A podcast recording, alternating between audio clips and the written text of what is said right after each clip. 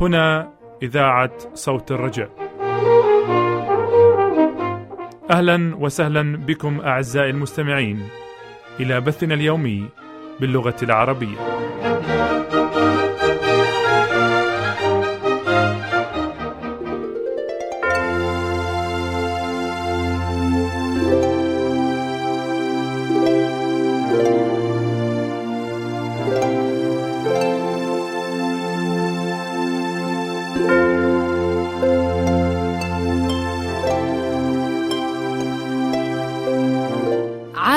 الصحة.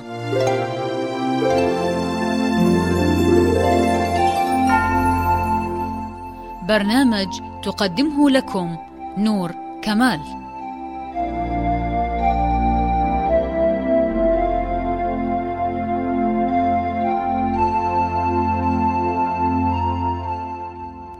مطهرات الجو والاكتئاب.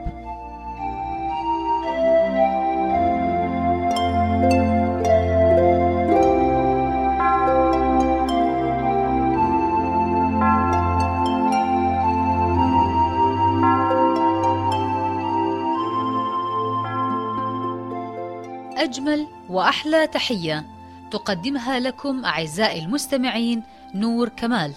من وراء ميكروفونات صوت الرجاء. إلى حلقة جديدة من برنامجكم عالم الصحة. راجية من الله تعالى أن تقضوا برفقتي وقتا ممتعا مع برنامج اليوم. فرافقوني. ولكن بعد هذا الفاصل الموسيقي. فأهلا وسهلا.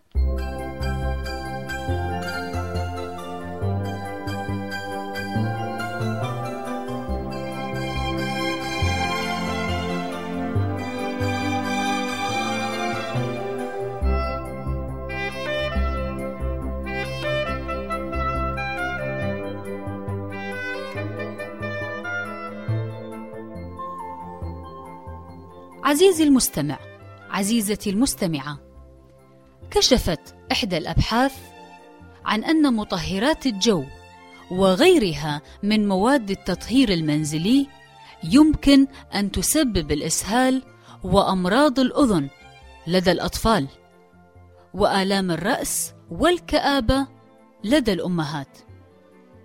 وكانت أبحاث سابقة قد أظهرت أن مطهر الجو وغيره من مواد التطهير تتسبب في ارتفاع نسبة المواد العضوية المتطايرة في البيوت.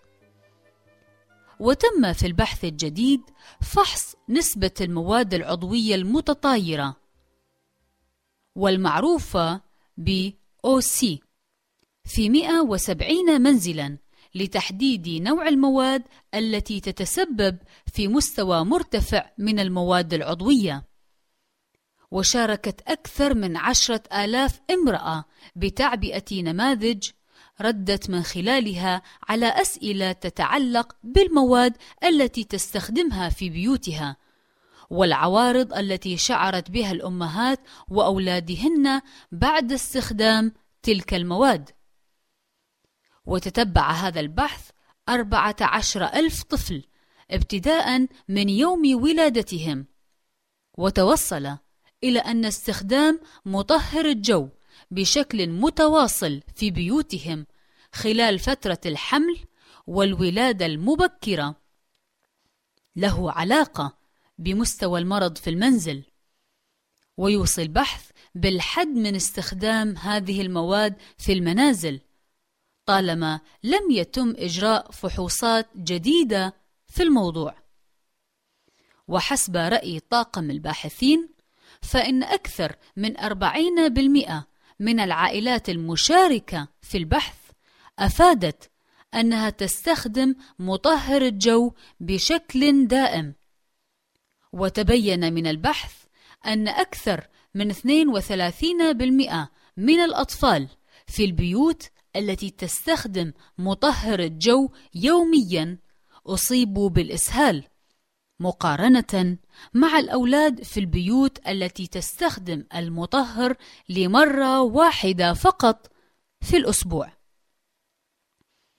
كما يؤدي أعزائي الاستخدام اليومي لمواد تلميع الأثاث ومطهر الروائح وسبراي الشعر إلى ارتفاع حالات الإسهال بنسبة 30% وارتفاع نسبة الاستفراغ لدى الأطفال بينما ارتفع ألم الرأس لدى الأمهات بنسبة 10%. أما أكثر المعطيات المفاجئة حسب رأي الباحثين فهي وجود صلة بين استخدام هذه المواد والكآبة لدى الأمهات.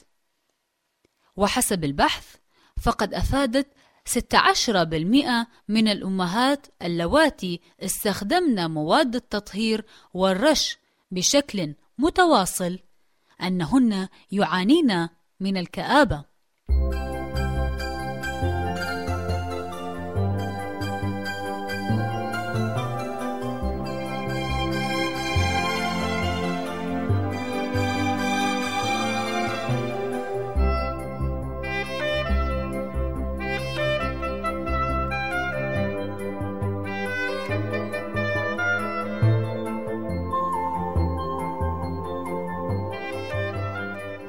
ومن جانب آخر. حذرت دراسة جديدة من أن معطرات الجو التي تستخدم في المنازل والمكاتب خطرة وتزيد فرص الإصابة بمشكلات واضطرابات تنفسية. فقد أكد الباحثون أن أدخنة مؤذية قد تتشكل داخل المنازل بسبب التفاعلات بين معطرات الجو وغاز الأوزون فينتج عنها غازات الفورمالديهايد المؤذية والمسرطنة ومركبات مشتقة منها تسبب مشكلات في الجهاز التنفسي. كما حذرت دراسة طبية أن استخدام معطرات الهواء باستمرار وبشكل يومي قد يسيء لصحة الأمهات والأطفال الرضع. وبينت دراسة أخرى أن استخدام البخاخات المعطرة للهواء في المنزل يصيب الأمهات الجديدات بالاكتئاب وبنوبات صداع متكررة ويزيد احتمالات إصابة الأطفال حديثي الولادة بالإسهالات والتهابات الأذن الحادة أيضا. ولاحظ أخصائيو الوباء في المسح الذي شمل أربعة عشر ألف امرأة حامل. أن السيدات اللواتي استخدمن معطرات الجو بشكل متكرر. أصبن بنوبات صداع أكثر بحوالي 25% وسجلوا زيادة في معدلات الإصابة باكتئاب ما بعد الولادة بحوالي تسعة عشر بالمئة. وذلك عند مقارنتهم مع السيدات اللواتي استخدمن هذه المواد لأقل من مرة أسبوعيا. ونوه هؤلاء إلى وجود زيادة في معدلات الإصابة بالتهابات الأذن بحوالي 30% بين الأطفال الصغار تحت عمر الستة أشهر. الذين تعرضوا للمعطرات. كما أن لدى هؤلاء الأطفال أيضا زيادة في إصابات الإسهالات بحوالي 22% وأوضح الباحثون عزيزي المستمع عزيزتي المستمعة أن مثل هذه المنتجات المستخدمة بكثرة في عصرنا الحالي في البيوت وفي المكاتب والأماكن الأخرى تحتوي على الكثير من المركبات العضوية المتطايرة مثل الزايلين والكيتونات والألديهيدات والتي تكون سامة عند التعرض لها بجرعات عالية. إذا فلنحرص أعزائي على التقليل إن أمكن من استخدام هذه المواد في منازلنا وفي محيطنا. وذلك حفاظا على صحة وسلامة أطفالنا وأيضا حفاظا على صحتنا وسلامتنا. أتمنى أن تكون هذه المعلومات أعزائي قد أفادتكم في الحفاظ على صحتكم وسلامتكم. وإذا كان لديك عزيزي المستمع عزيزتي المستمعة أي سؤال أو استفسار بخصوص برنامجنا هذا أو برامجنا الأخرى فبإمكانكم الكتابة لي شخصيا على العنوان الذي ستسمعونه أثناء بثنا. وسأكون في غاية السرور للرد عليها شخصيا. وإلى أن ألتقيكم أعزائي في الحلقة المقبلة من برنامجكم هذا أترككم برعاية الله وحفظه.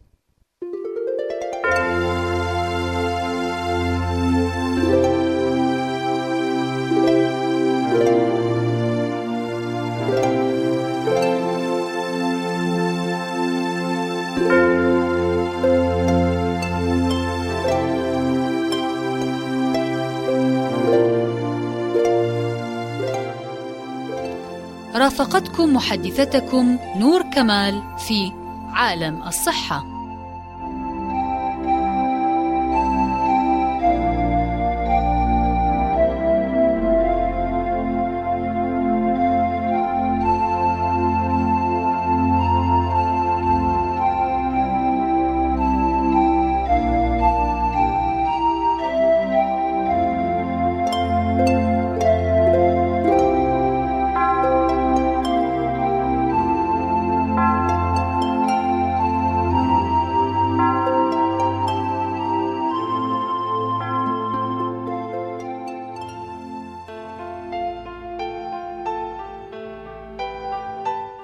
منير سلام ونور كمال.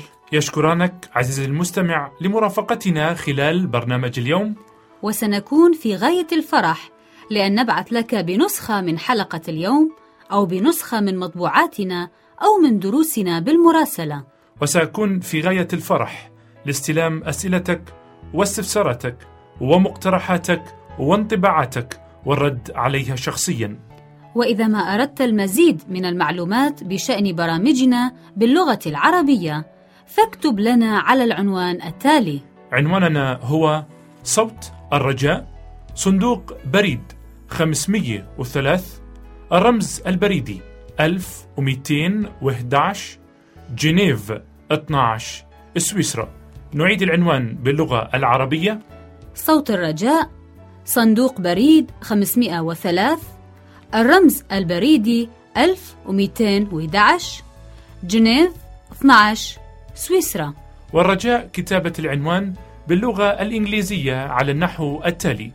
Voice of Hope P.O. Box 503 CH 1211 جنيفا 12 سويسرلاند ولك منا من وراء ميكروفونات صوت الرجاء. أرق وأحلى سلام. ولك من مهندس الصوت أنور عبد المسيح نفس المحبة والترحيب وإلى اللقاء مع برنامج قادم وليكن الرب معكم.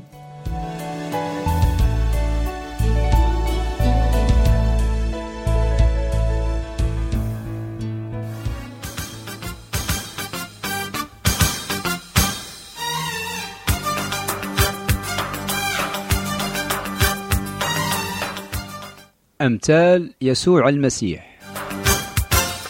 برنامج روحي من إعداد وتقديم صديقكم عبد البار. تبته عبر الأثير إذاعة صوت الرجاء من سويسرا. وفي حلقتنا اليوم سوف نتابع دراستنا لأمثال يسوع. حول المائدة العائلية وعندما يكسرون الخبز كثيرون هم كانوا معاصر يسوع الذين يقولون طوبى للذي يأكل خبز الملكوت. لكن يسوع يوضح كم هو صعب أن يوجد مدعوين للمائدة التي أقمت بثمن فدية جد غالية. وكل هؤلاء الذين يستمعون إلى أقواله أو تعاليمه هذه شعروا بإحساس إهمالهم لأداء لأداءات الرحمة الإلهية. ملاهي وماديات العالم كانت تشغل كل فكرهم. بالإجماع كانوا قد سمحوا وكذلك يا صديق المستمع لأيامنا هذه الأعذار المقدمة ترفض الدعوة الإلهية وتعتم عليها. لترفض نداءات الإنجيل البعض يدعون أنهم لا يمكنهم ترك نجاحهم المادي لقبول والاستجابات لضروريات حقيقية. إنهم يولون الاهتمام أكثر لمصالحهم الشخصية الآتية الآنية بدل الاهتمامات الأبدية. البركات نفسها التي حصلوا عليها من السماء أصبحت حاجزا يفصل بينهم وبين خالقهم وفاديهم ولا يشعرون في أي لحظة أن يتخلوا عن مشاريعهم ويستجيبون للمرسل حامل الدعوة المباركة. أما الآن فاذهب ومتى حصلت على وقت ومتى حصلت على وقت أستدعيك؟ سفر الأعمال الإصحاح الرابع والعشرين والآية الخامسة والعشرين. والبعض الآخر يتحججون بالصعوبات التي يصادفونها من طرف المحيطين بهم نتيجة قبولهم لدعوة الله. إنهم يا صديق الحبيب يقولون أنهم لا يقدرون إلا أن يتصرفوا حسب رغبة عائلاتهم أو أصدقائهم. إنهم يشبهون في كل الأحوال لأولئك الأشخاص الذين تكلم عليهم الرب يسوع في المثل السابق ذكره. السيد الرب هو شاعر بالاحتقار الذي يختفي في أعذارهم الواهية والتافهة. المدعو الذي أجاب تزوجت بامرأة ولذلك لا أقدر أن يجيء. إنه يمثل جزءا جد كبير من البشر. إنهم كثيرون إذن. أولئك الذين يمكنون امرأة ما أو صديق ما أن يمنعهم من الاستجابة لنداءات الله. الزوج سيقول إنني لا يمكنني اتباع اعتقاد الراسخ ما دامت زوجتي تعارضني بسببه. تأثيرها يخلق لي متاعب كثيرة. والمرأة أو الزوجة تسمع هذا النداء الرحيم تعالي كل شيء معد وستجيب أرجوك استعفيني زوجي يرفض دعوة النعمة إنه يقول أن أعماله لا تمكنه من قبولها وعلي اتباعه إنني لا أقدر أن أجيء. الأولاد إنهم متعجبين ويريدون الحصول أو الحضور للعرس العظيم لكنهم بمحبتهم لوالديهما وهؤلاء يدفعون بهم لرفض نداء الإنجيل. إنهم يعتقدون أنهم لا يمكنهم الذهاب للعرس إلا بصحبتهم. هم كذلك يقولون استعفني. صديق المستمع الغالي إن كل الذين يرفضون نداء الفادي يسوع لأنهم يخشون الانشقاق داخل دائرة الأسرة برفضهم طاعة الله إنهم يظنون ضمان راحتهم وفخرهم. لكن هذا فقط وهم وهم وهراء إن الذي يزرع الأنانية لا يحصد سوى الأنانية. برفضهم محبة يسوع إنهم يتجنبون الشيء الوحيد الذي يمكنه أن يطهر ويثبت المحبة البشرية.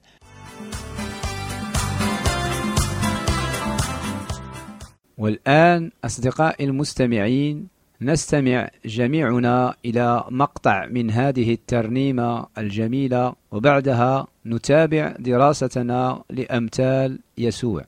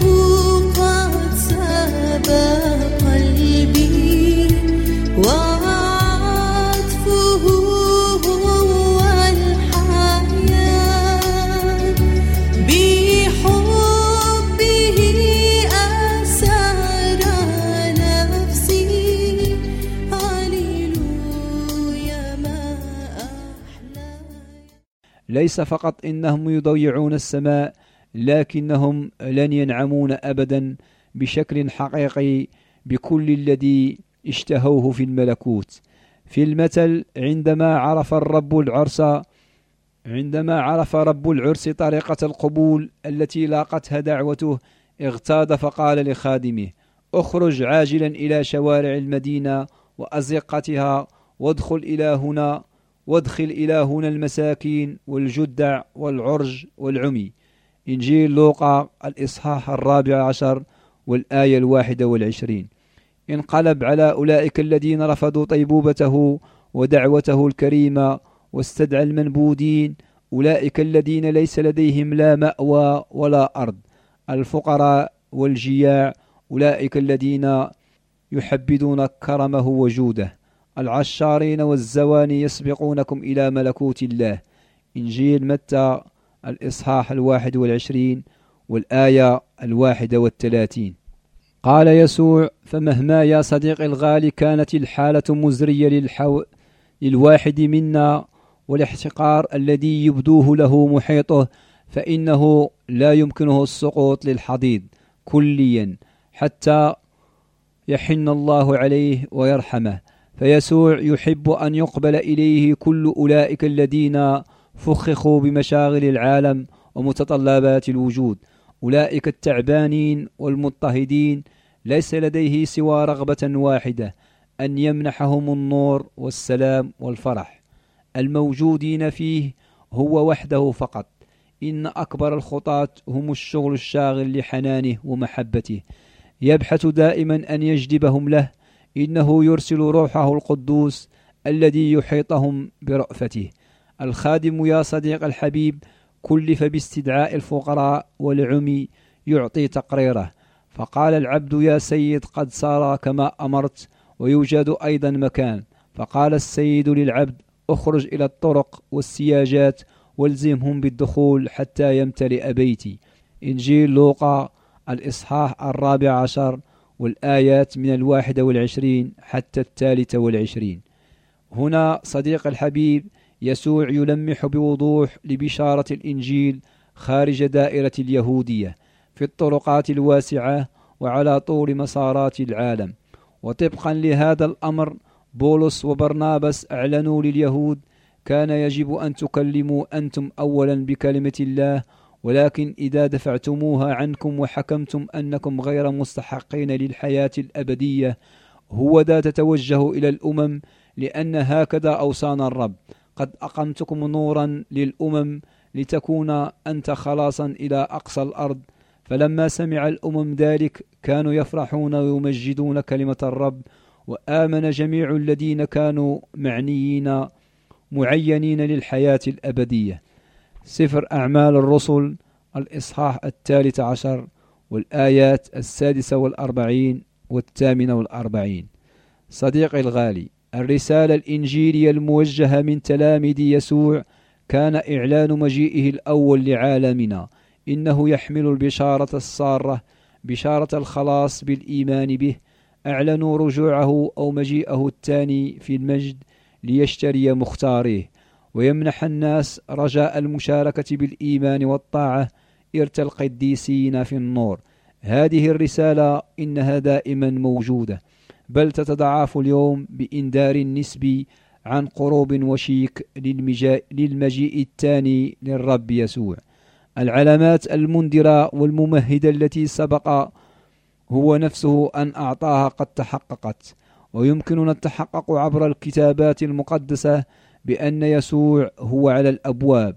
وفي السفر الرؤيا يوحنا تنبأ بهذه العبارات إعلان الإنجيل على شهادة المجيء الثاني ليسوع. ثم رأيت ملاكا آخرا طائرا في وسط السماء معه بشارة أبدية ليبشر الساكنين على الأرض وكل أمة وقبيلة ولسان وشعب قائلا بصوت عظيم خافوا الله وأعطوه مجدا لأنه قد جاء ساعة دينونته واسجدوا لصانع السماء والأرض والبحر وينابع المياه.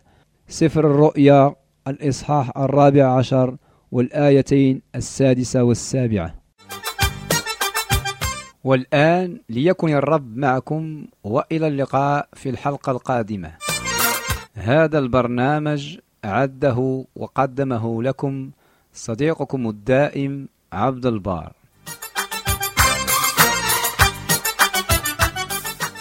عنواننا صوت الرجاء. صندوق البريد 305 1211 جنيف 12 سويسرا. وأعيده باللغة الفرنسية. والتي يجب كتابته بها إلينا. La Voix de l'Espérance boîte postale 305 1211 جنيف 12 سويس كما يمكنكم زيارة موقعنا على الإنترنت على العنوان التالي